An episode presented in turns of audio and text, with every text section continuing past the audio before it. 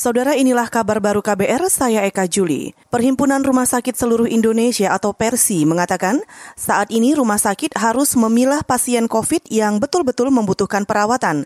Sekretaris Jenderal PERSI, Lia Partakusuma mengatakan sejumlah rumah sakit di daerah mulai kekurangan daya tampung pasien. Kondisi itu bertambah parah dengan penambahan penyakit lain sehingga ada beberapa yang harusnya tadinya dipakai isolasi COVID pun e, ruang misalnya taruhlah ICU gitu akhirnya dipakai juga untuk pasien-pasien yang bukan COVID. Nah seperti itu. Jadi kalau dari data nasional ya sebetulnya kamar itu kelihatannya belum penuh gitu kalau di total semua. Nah cuma kalau secara spesifik ya memang kita sekarang ini sudah bisa mulai melihat bahwa terutama rumah sakit rujukan COVID ini sudah mulai penuh untuk pasien-pasien COVID-nya. Saya bisa sampaikan itu, tapi itu bervariasi.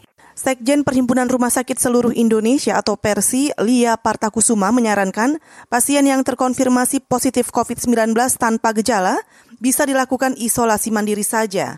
Tujuannya agar kebutuhan rumah sakit bisa diutamakan untuk pasien dengan keluhan dan gejala berat. Kita ke mancanegara, Perdana Menteri Vietnam mengatakan 10 hari mendatang akan menjadi masa kritis dalam penanganan wabah COVID-19 di negara itu.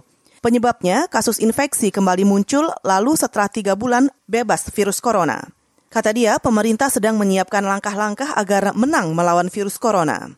Sebelumnya, Vietnam mendapat pengakuan internasional atas keberhasilan mengendalikan wabah di wilayahnya dengan uji deteksi besar-besaran, penelusuran kontak, dan karantina. Langkah itu membuat angka infeksi sempat tercatat hanya sekitar 400 kasus tanpa kematian. Pada akhir Juli, Vietnam mengumumkan kasus baru penularan lokal di kota wisata Danang.